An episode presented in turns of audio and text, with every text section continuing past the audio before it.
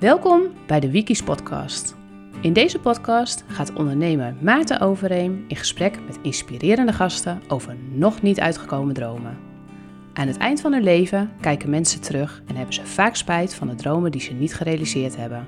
Zijn dromen belangrijk om doelen te halen? En kan het loslaten van dromen ook zorgen voor meer geluk? Luister mee en laat je inspireren. Dreams are just dreams, still we all climb the hills. We took it as far as we could.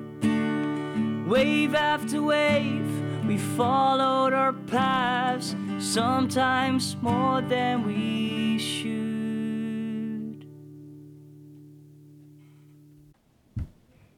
Nouri, Rashid, Yes. welkom in de Wikis podcast. Mooi. Een bijzondere setting, namelijk in de sportschool. Ja, Want jij bent eh, personal trainer klopt. en, Ja. en ondernemer. En ondernemer. ja. Hey, eh, waar droomde je van als kind? ja, sinds, ja, dat is echt totaal anders. Want eh, toen ik kind was, wou ik altijd politieagent worden eigenlijk. Nee, die hoor ik wel vaker. Ja, precies. Ik, ik weet niet waarom, maar misschien omdat ik een politieagent een indruk op mij gemaakt heeft of zo. ik weet niet, maar, maar toen ik eh, ouder werd, wou ik ook ondernemer, of eh, nee, geen ondernemer, maar advocaat worden eigenlijk. Oh ja, Net als mijn oma. Die waren advocaten en die reden altijd met een goede auto's, eh, mooie huizen, weet je. Dan zeg je, oh ja, dus een ondernemer verdient, of een eh, advocaat verdient goed. ja. Dus eh, wil ik ook advocaat worden. En wat eh, betekent het dan als je goed verdient? Wat is daar, eh, want dat is natuurlijk een, een middel in mijn ogen, maar wat is dan de droom achter de droom? Wat ga je daarmee doen? Ja, als je kind bent, wil je van eh, alle mooie dingen kopen, weet je. En dan, Ja, ja, eh, ja. dan zeg je, ja, weet je, geen geld. Ja, ik ben nog kind. Ja, En ja, dan droom je om, eh, om veel geld te hebben, dat je gewoon alles kan kopen of zo. ja, Ja, maar uiteindelijk ja, het moest, eh, is het niet gelukt, die droom van eh, advocaat worden. Maar ik wou, eh, toen, als je ouder wordt, wil je ook iets, ja, iets doen. Niet echt om geld, om geen, meer een eh, inkomsten van te hebben, zeg maar. Dat je geen stress had van geld in ieder geval. Maar dat je toch iets leuk vindt, zeg maar. ja. En ja, precies. Hey, en Nouri, jij bent 26. Ja, dat klopt. Eh, hoe ziet jouw leven eruit? Eh, hoe bedoel je? Qua... Wat, eh, nou, waar woon je? Wat, Ja, wat houdt je bezig? Nou, ik ben eh, 26 inderdaad en ik woon zelf nu in Groningen. Ben net verhuisd, ik woon in Rode. En eh, ja, mijn leven bestaat uit eh, werk, eh, vrienden, familie, dus een beetje van alles. Ik ben nog vrijgezel. Al, Oké, dit is al- een kans, alle mensen. maand.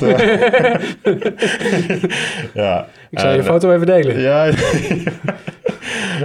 Dus ja, en dan, wat houdt me bezig? Ja, eigenlijk nu mijn werk houdt me het meeste bezig. En dan wil ik gewoon daarin groeien als ondernemer. Ja, En dan geef ik meer aandacht daarin, zeg maar. ja. Ja, Hey, en eh, jij hebt er best wel, nou ja, heel veel mensen, ieder, eigenlijk heeft iedereen natuurlijk een bijzonder verhaal, maar jij bent naar Nederland gevlucht. dat klopt. Eh, ja. hoe, toen was jij, hoe oud? Ik was 15, eh, een half ongeveer, bijna 16. eh, Ja. Ben ik naar Turkije gegaan. Ja, want als je in Syrië gebleven had, dan jij moest komt je... uit Syrië Ja, ik oorspronkelijk. kom zelf uit Syrië. En als je in Syrië bleef, dan moest je naar de leger.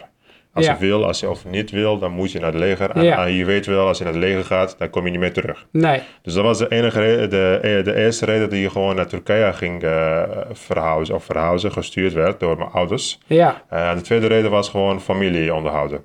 Maar dan ben je 15. Dan ben je 15, ja, Tering. klopt. Ja, Ik scheld eigenlijk, vloek eigenlijk nooit in deze podcast, maar dat is, lijkt me wel...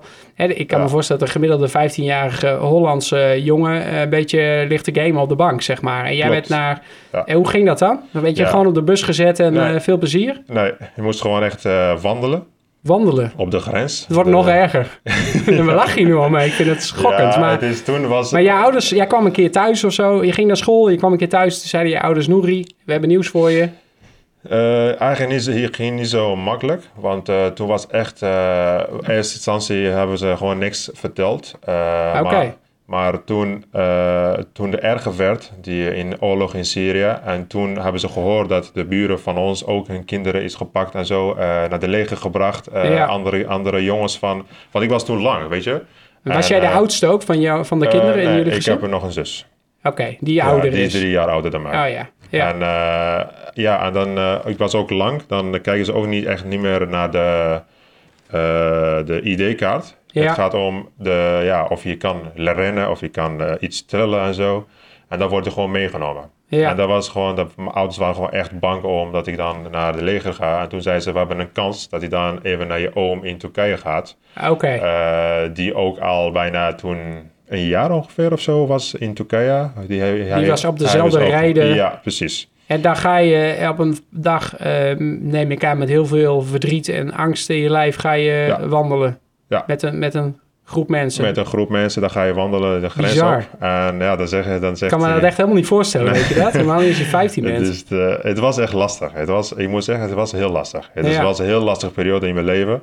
Eh, want eh, als je nu eens terugdenkt, dan, is- ja, dan, dan mis ik gewoon de puberteit, weet je. Want je moest op je jonge, jonge leeftijd eh, toch volwassen zijn. Ja. Volwassen spelen. Als Ja. dat, als, ook als het niet was, dan moet je gewoon zijn, zeg maar. En dat was een heel, eh, heel moeilijke periode, ja. En, en wat voor werk, eh, dus dat ging goed. Je kwam daar veilig aan. Ja, En wat ging je toen doen in, in eh, Turkije? strijken. Stra- wat strijken? T-shirts. T-shirts T-shirts strijken. strijken, inderdaad. Goh. Ja. En dat was vast niet de allerleukste baan in je leven. Nee, nee, zeker niet. En, ik strijk nu helemaal eh, niks. Nooit meer. Nee, rijdt nooit meer een strijkbout in je leven aan. een- Als jij een strijkbout... Goh, maar je hebt ook een goede reden. ja, man. En hoe lang heb je dat gedaan dan? Drie jaar. Drie jaar. Ja, ik Dus had... van je- eh, ja, precies. En je woonde toen bij je oom. Ja. En, en wel contact met je ouders. ja, via telefoon. Toen was ook geen eh, echte eh, WhatsApp of zo. We hadden niet echt heel veel, maar het was gewoon echt een telefoon. Ja, Moest even bellen, kijken hoe het met hun gaat. ja, Eh, geld sturen naar Syrië. Want ik, kijk, als je die Turkse, die Turkse mensen wisten wel dat wij werk nodig hebben. ja. Toen hebben ze gedaan dat ze dan alle loon de, op de helft gezet, zeg maar. Dus je moest gewoon zo extra werken om...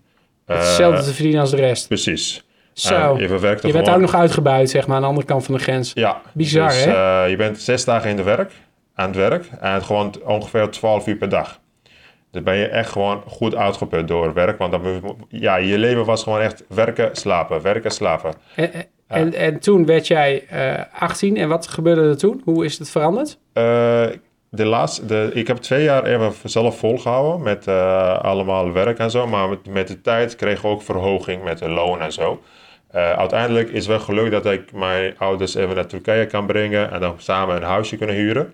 Oké, Maar toen mijn ouders hier eh, in Turkije waren, had mijn vader gezien, zeg maar, we hebben gewoon geen toekomst. nee. Want- Want wat leef je daar dan in Turkije? Ook alleen maar in een soort Syrische gemeenschap? Of heb je ook Turkse vrienden gemaakt daar? Turkse, ja, Turkse vriend, ja, niet echt, nee. Het was gewoon ook niet naar school of zo. Je was Nee. ook alleen maar aan het werk. Klopt. En dan werk je over het algemeen, neem ik aan, met heel veel andere Syriërs. Precies. Ja, Goh. want- ja, ma- eh, ja, school kon je niet heen. Nee. Eh, en mijn doel was om te basketballen, want ik was daar ook, speelde in het national team in Syrië. ja. Daar ben ik ook eh in eerste instantie verder gegaan. Eh, maar uiteindelijk heb ik een blessure gekregen. Maar wat hebben ze gedaan? Hebben ze mij gepakt en gewoon aan de straat gezet. Ja. Want eh, ik had toen geen ID-kaart. En eh, ze konden mij niet naar het ziekenhuis of zo brengen. In Syrië was dit. In, Turkije. In Turkije was Ja. dit. Ja, oké. En toen ik dat zag, ik zei ja, dan ga ik hier echt helemaal niet meer basketballen. Want je krijgt gewoon totaal geen hulp als er dan iets Nee. gebeurt met je. Je bent niet echt een inwoner van het land die ook dezelfde zorg en goh. Precies. En, ja. en om nog even terug te gaan naar daarvoor, want eh, herinner jij ook nog aan je jeugd gewoon een leuke, vredige tijd als kind waarin je gewoon naar school ging en het gewoon leuk was? Of is het altijd oorlog geweest? Oh nee, nee, nee. Dit was gewoon eh, was een leuke tijd die wij ook. Want hoe oud was je dan eh, toen de oorlog begon en wat merkte je daar dan Ja, van? dat was toen ik 13 was of 14 Ah, of oké. zo. Ja, maar op 13e heb ik nog steeds gebasketbald. En we Ja. hebben ook het, in het begin van de oorlog ook naar eh, Jordanië gegaan om even als eh, nation- national team basketbal gingen we ook tegen andere landen basketballen en zo. Ja, Dus waren we nog steeds niet bang. Maar toen het erger werd, dat was toen wij op mijn 15e. ja. Ja, dat was toen erg. Dus toen, toen kwam echt heel dichtbij. In, in de zin van straat, je hoorde gewoon de Ja. bommen vallen, bij wijze van spreken. Ja, nog erger. Want eh, we zagen ook gewoon veel, eh, hoe noem je dat, lijken. Oh ja? Ja, veel op straat. Ja. Bizar. ja, dus toen moesten we echt eruit. Maar het leven daarvoor, zeg maar. Hè? Dus jij was Ja. 12, je ging naar school en zo. Hoe, hoe, hoe- is, is, was dat een mooi, is Syrië een mooi land in de basis voordat het, dit gebeurde? Ik vind zelf... Wat was herinner Syrië- je daar dan van, van zo'n dag uit je leven? Ja, Syrië was op zich wel een mooi land. Ja, Maar het was eh, qua verdeling een beetje oneerlijk eigenlijk. tussen arm en rijk. Ja. Ja. want als je geld had, dan kon je ook alles. Oh ja? Dus, ja. Dus dan kon je veel dingen bij de overheid regelen. Dan kon je mensen eh, in dienst nemen die dan eh, niet willen of zo. Dan, ik geef je extra geld, dan komen ze bij jou in dienst. Dus eh, bij ons, als je geld hebt, dan heb je ook de macht. Ja, hè? Ja, En Wat merkte je dan als kind daarvan? Dan ging je naar een andere school dan bepaalde vriendjes? Of zat je in een bepaalde buurt? Of precies. dat ja. soort dingen? Ja, Goh. dus eh, inderdaad. Ja. En, en toen, eh, dus je ouders zijn naar eh, Turkije gekomen. Je was rond 18. En toen zeiden jullie, hebben jullie de kans gezien om naar Nederland te gaan? Eigenlijk was het niet echt Nederland. Het Oh. was in, in principe Europa, want we hadden wel een goede verhaal over gehoord dat hij dan hier een toekomst kan opbouwen. Ja, Een toekomst, toekomst met, met studeren, met werk, met alles. En dat was de reden dat mijn vader gewoon koos op naar een ander land te gaan. In eerste instantie was Denemarken, maar toen eh, is het niet gelukt. Maar een vriend van mijn vader was ook in Nederland, Hij- heeft hij hem gebeld. Hoe zit het hier? Hij zei, ja, mensen hier zijn best lief, dus dan willen ze ook jou helpen, weet je. Van Ja. dat soort gesprekken. En dat, dat had mijn vader gemotiveerd om hier naartoe te reizen. Eh, en onze papieren toevallig ging ook best snel. Dus we waren- we waren na zes maanden dat mijn vader in Nederland was, in Nederland. wauw. Dus Genationaliseerd. Nederlandse inwoner. en wat deed jouw vader voor werk dan? Voordat jou, eh, In, eh, voordat je- in Syrië? eh, mijn vader is, heeft, eh, heeft in Griekenland gewerkt. Oh, Eh, heeft hij daar eh, alles stucadeur gewerkt. oh ja. En in Syrië had hij in eerste instantie een mini-market zeg maar, geopend. Eh, met zijn eh, eh, zus. Ja, En toen ging niet goed. Heeft hij een taxi gekocht. Op zijn eigen taxi gewoon even een taxichauffeur als taxichauffeur gewerkt. ja. En eh, uiteindelijk in Turkije heeft hij ook als stucadeur een beetje gewerkt. Totdat hij dan eh, op reis is gekomen naar Nederland. En je zegt dan in het voorgesprek, zei jij, het ondernemen is eigenlijk niet eh, van, van mijn ouders of zo gekomen. Het Ja. zit niet per se in je bloed. Nee. Maar aan de andere kant dus, klinkt het wel heel ondernemend dat je gewoon denkt, nou, dan begin ik weer iets nieuws met een taxi. En dan ga Ja. je, dus het, het is toch ook wel een soort van ondernemendheid. Ja, ja ik, ik weet niet hoe je dat ondernemen noemt. Maar het is, ben je meestal eigenlijk Zelfstandig. bedrijf. Ja, ja. Is het Ja. onderneming? Is het, want kijk, als hij, als, hij, als hij nu twee taxis had of, en twee mensen aan de dienst had, dan is dat meer op ondernemers lijkt, vind ik. Ja, is- ah, goede nuance. Ja, En toen kwam jij in Nederland. Ja, normaal gaan we niet zo ver in de geschiedenis in de podcast van één iemand zijn leven. Maar eh, in dit geval, eh, het is zo'n boeiend verhaal dat je het eigenlijk niet kan, eh, niet kan laten liggen in mijn ogen. Maar toen kwam je in Nederland en, en herinner je nog de eerste keer dat je hier... zeker. Ja? Ja, Hoe zag het die dag eruit? Waar, waar, koud, waar was je koud? Het was, Ja? ik, had, eh, ik kom- uit Turkije en dan, Ja. eh, en dan ja, die draag je niet echt veel kleding, dat- daar is warm. Ja, En dan kom je naar Nederland, was, eh, was 2015, ja. 24 december volgens mij. Of de dag voor 21. kerst of zo. Precies, Ja. ja. even 21, het was het 21 in ieder geval. Ja, maar er was veel sneeuw op de, op de, op de grond. Had het je wel sneeuw koud. gezien in het echt? Of, In Turkije wel, ja. ja, in. Syrië niet. nee. Nee, Goh. maar ja, en dan, eh dat was toen echt heel koud. Dus Ja. dat kan ik nooit vergeten. Nee. dus eh, Maar wat vond je van de Nederlander toen je voor het eerst... Maar jij kwam dan waarschijnlijk in zo'n AZC of zo terecht. klopt. Dat zijn ja, natuurlijk ook eh, niet echt fijne omstandigheden. Of, of, kijk, Dat- of is dat anders dan het beeld wat je nu krijgt als, als outsider ervan? Ja, het klopt helemaal. Kijk, ik, je komt in ACC in Ter Apel. Waarvan eh, Ter Apel was niet vroeger een grote tent, van die ijzertent, zeg maar. Ja, Eh, en toen was het koud met wind. En dan hoor je van alle dingen bewegen van die ijzer. Ja, En toen hebben we elkaar ge- gekeken en zei, "Hè, waar zijn we gebeland, joh? ja. Eh, laten we gewoon teruggaan naar Turkije. Je dacht Wat dat dit is het? gewoon een heel ontwikkeld land was... waar je gewoon een huis zou krijgen. of in Precies, ieder geval of een normaal ja. dak boven je hoofd. Inderdaad. Nou, maar dat, ja, dat ook niet helemaal, maar dat je niet echt in die tent of En zo, wat eh, nu gewoon nog steeds elke dag gaande is hè, in Nederland. Dat is Klopt. toch gewoon niet voor te stellen. Maar goed, Inderdaad. Maar ja, dus echt, eh het was gewoon in instantie even kijken, is, dit, eh, is dit Nederland? ja. Dus we hadden veel ja, leuke verhalen over gehoord van mijn vader. Ja, je hebt eh, natuur, je hebt eh, mensen, je hebt Ja. dat soort dingen. En daar zie je gewoon helemaal niemand, behalve mensen die, eh, die gewoon gevlucht zijn. Ja. Eh, die, die ijzer die bewegen door de wind, zeg maar. Ja, Eh, maar ja, de volgende dag was iets beter, want we gingen naar eh Vinhausen, was toen ook eh, ter eh, was ja. eh, toen Oh, gelijk de volgende dag ging je De naar... volgende een dag inderdaad.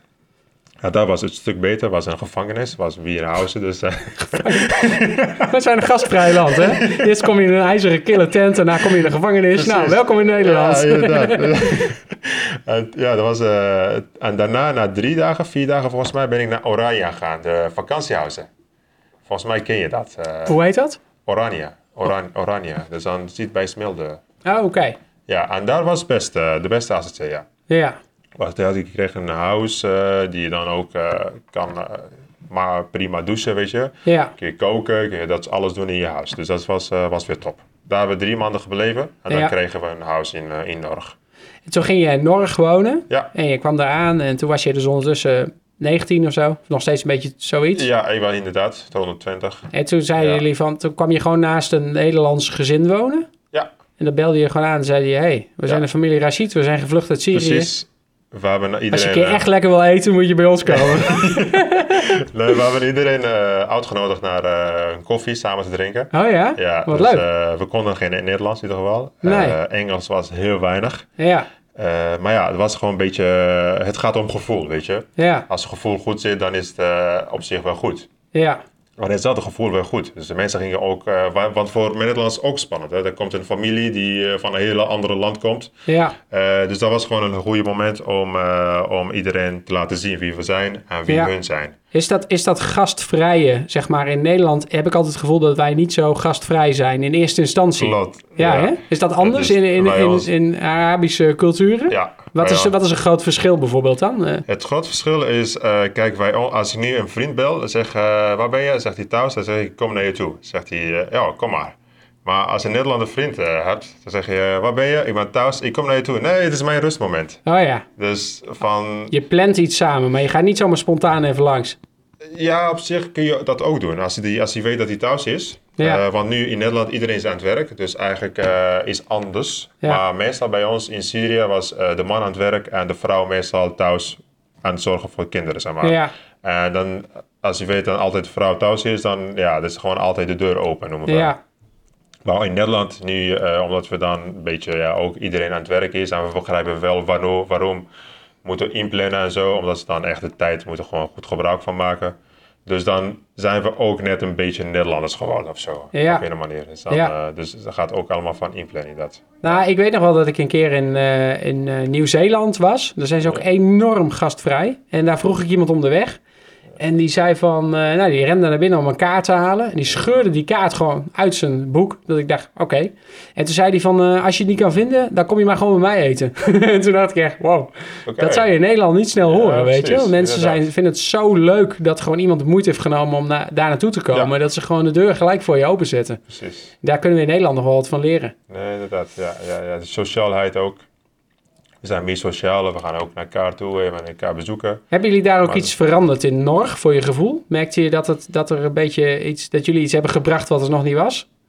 Eh, Gingen mensen dingen van je overnemen? Of, eh, of Hoe bedoel je? Eh, nou, omdat je zegt van we nodigen iedereen uit voor de koffie. Misschien Ja. dat er nou iemand zei, nou dan komen we ook een keertje allemaal bij mij op de koffie. Precies, dat ik hebben ze ook gedaan hoor. Oh ja, nou Ja, dat bedoel ik dus. ja, je hebt dus iets, iets gebracht wat er nog niet was eigenlijk. Klopt, inderdaad. En dan hebben ze inderdaad gezegd, eh, oh ja, we kunnen dan over twee weken op een bepaalde dag, daar op een bepaalde tijd, Ja, daar kunnen we dan wel even het samen even koffie doen. En we gingen daarheen, daar hebben ze ook toen van die taart gemaakt, die wij ook niet kennen. nee. Die taart van, noem je dat? Appeltaart?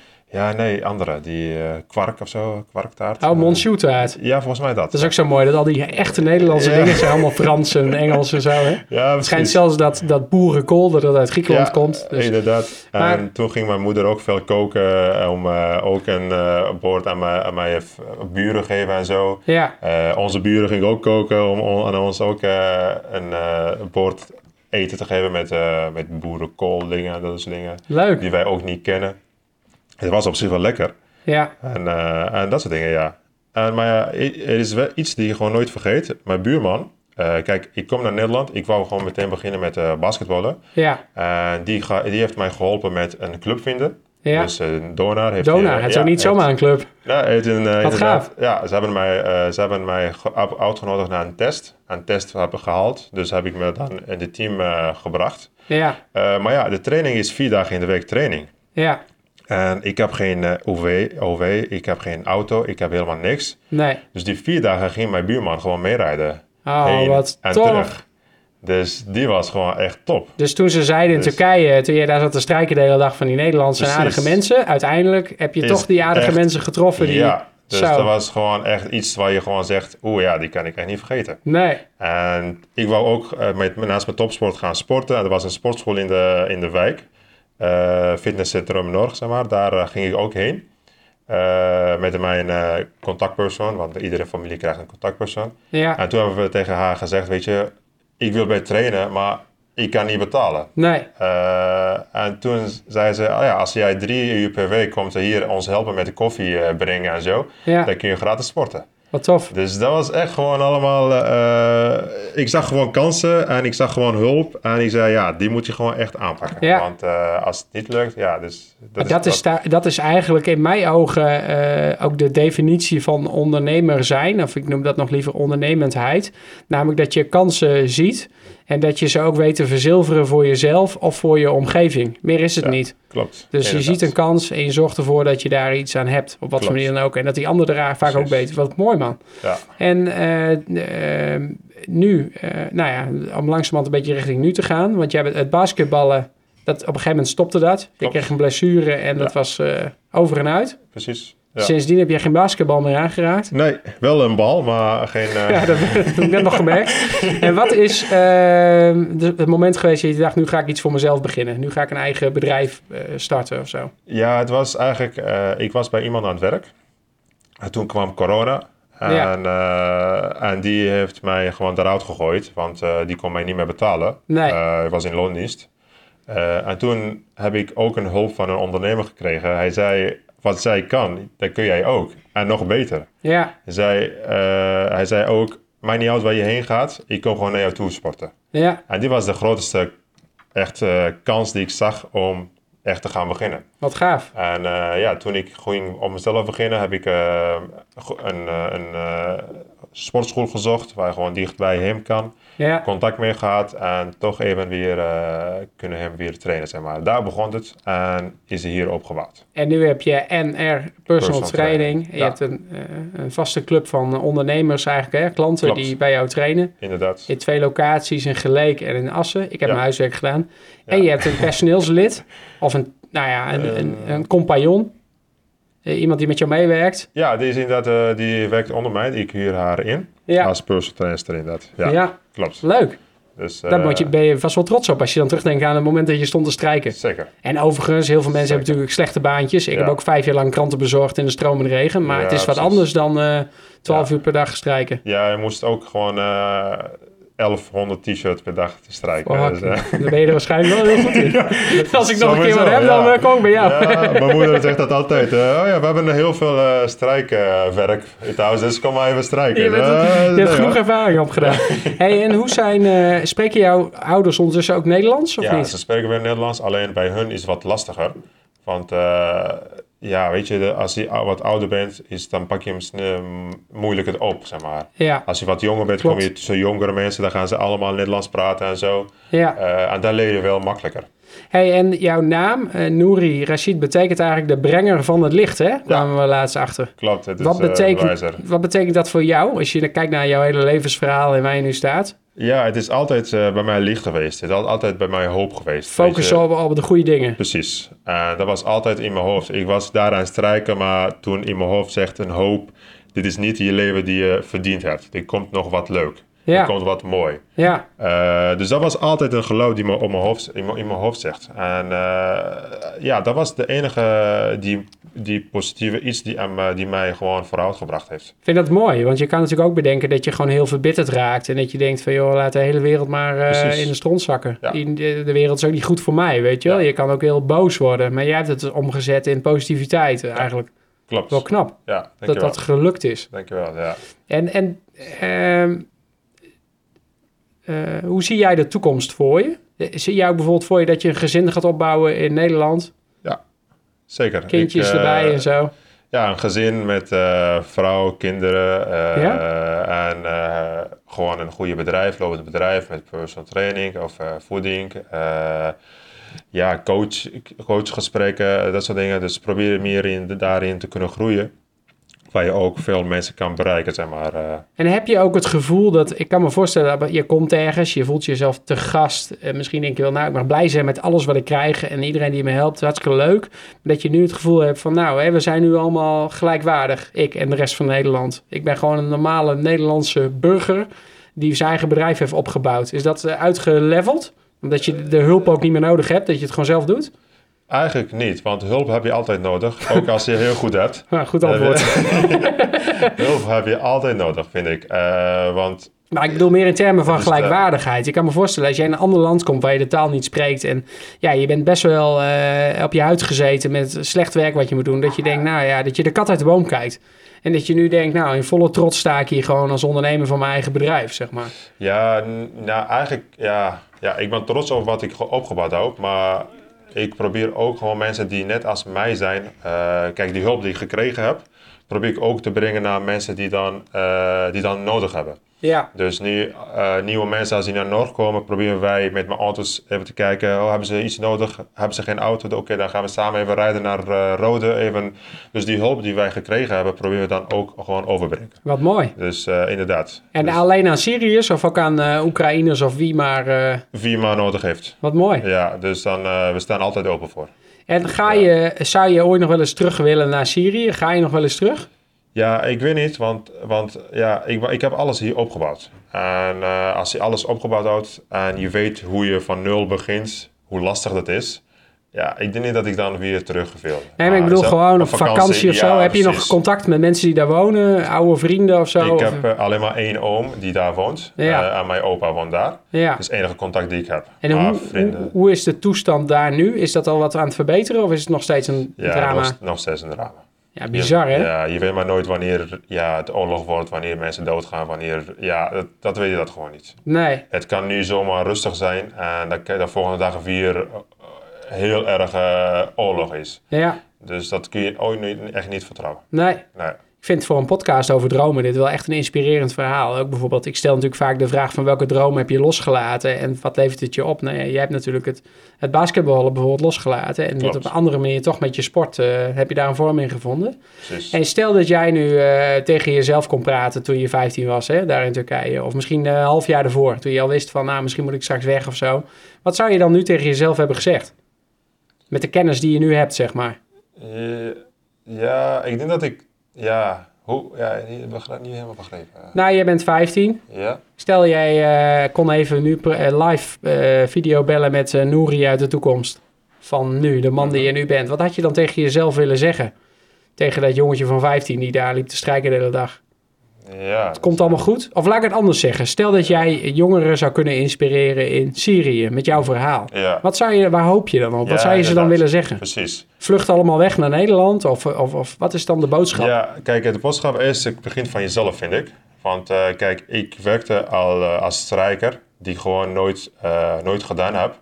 Maar ik deed het gewoon goed. Ik wou het gewoon graag leren. Ik wou gewoon eh, die kansen daar pakken. Ik wou gewoon daar de, de leider worden van de, die mensen die daar aan het werk zijn. Ja, Dus ik wou al daar kansen. Ik wou, ja, het is, was gewoon bijna geen kansen. Maar als je toch over nadenkt, dan zie je ook al kansen. Ja. Want eh, kijk, ik werkte als strijker. Maar als je strijker bent, eh, dan heb je ook verschillende lonen die je krijgt. Maar als je beste strijker wordt, dan krijg je de beste loon. ja, En ik wil altijd de beste strijker zijn om de beste loon te krijgen. En dan kan ik familie helpen, maar dan ook mezelf. ja. Dus je had altijd gewoon een kans om vooruit te komen. En als je dat, eh, dat pakt, dan komt het altijd goed. Maar dat is wel een skill die je hebt, hè? Dat je niet alleen de beste wil zijn, maar dat je ook de kans ziet, zeg maar. Ja, Dat is, eh, ja, dat is ook wel iets, dat is ook misschien wel moeilijk om te ontwikkelen. Dat heb je of dat heb je niet. Of, of denk je dat je dat kan leren? ja, Kansen dus- zien. Ja, kansen zien. Ja, ja, misschien. Ja, als je dan te veel over traint of zo, zou het misschien wel lukken. Maar ik weet niet. Dat is dan, het is wel een lastig punt. Maar eigenlijk zeg jij dus tegen een, eh, stel dat jij nu zou kunnen praten tegen een sch- schoolklas vol jonge Syriërs, zou je zeggen van jongens, Eerste kans kijken waar je bent en hoe je daar eh, een positieve input van kan maken. er is altijd iets van te maken of zo, van waar je ook staat. Zeker. En Gaaf. als, als het daar niet lukt, dan gaan ze mensen meestal eh, zeggen, ook als ik daar was, dat had ik zo gedaan. Maar eigenlijk, het begint al bij, bij waar je bent, vind Ja. ik zelf. Ja, Ja, mooi. Ja.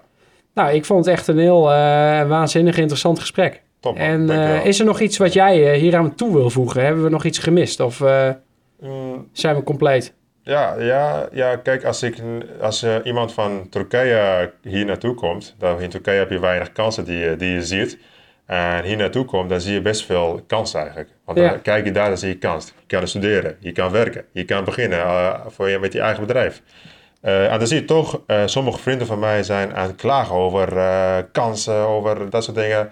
Dus daar kom ik altijd meestal in botsing over, over dus die kansen. Ja, Ik zeg altijd, ja, jullie, jullie hebben echt goed hier in Nederland. ja. Misschien de eerste nadeel dat je extra belasting betaalt.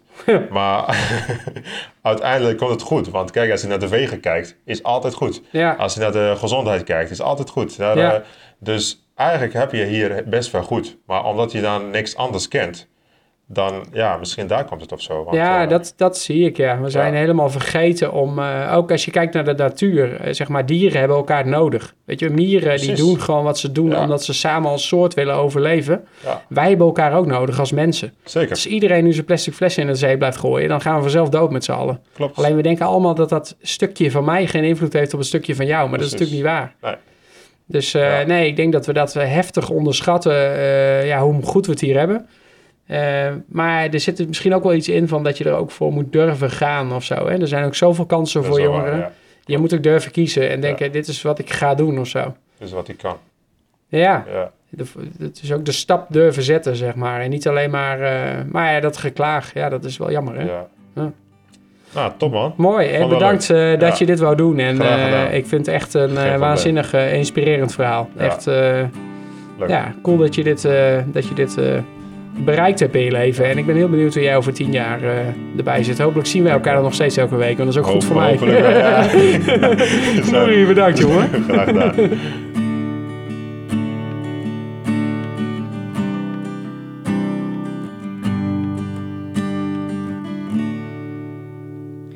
Dreams are just dreams, still we all climb the hills. We took it as far as we could. Wave after wave, we followed our paths, sometimes more than we.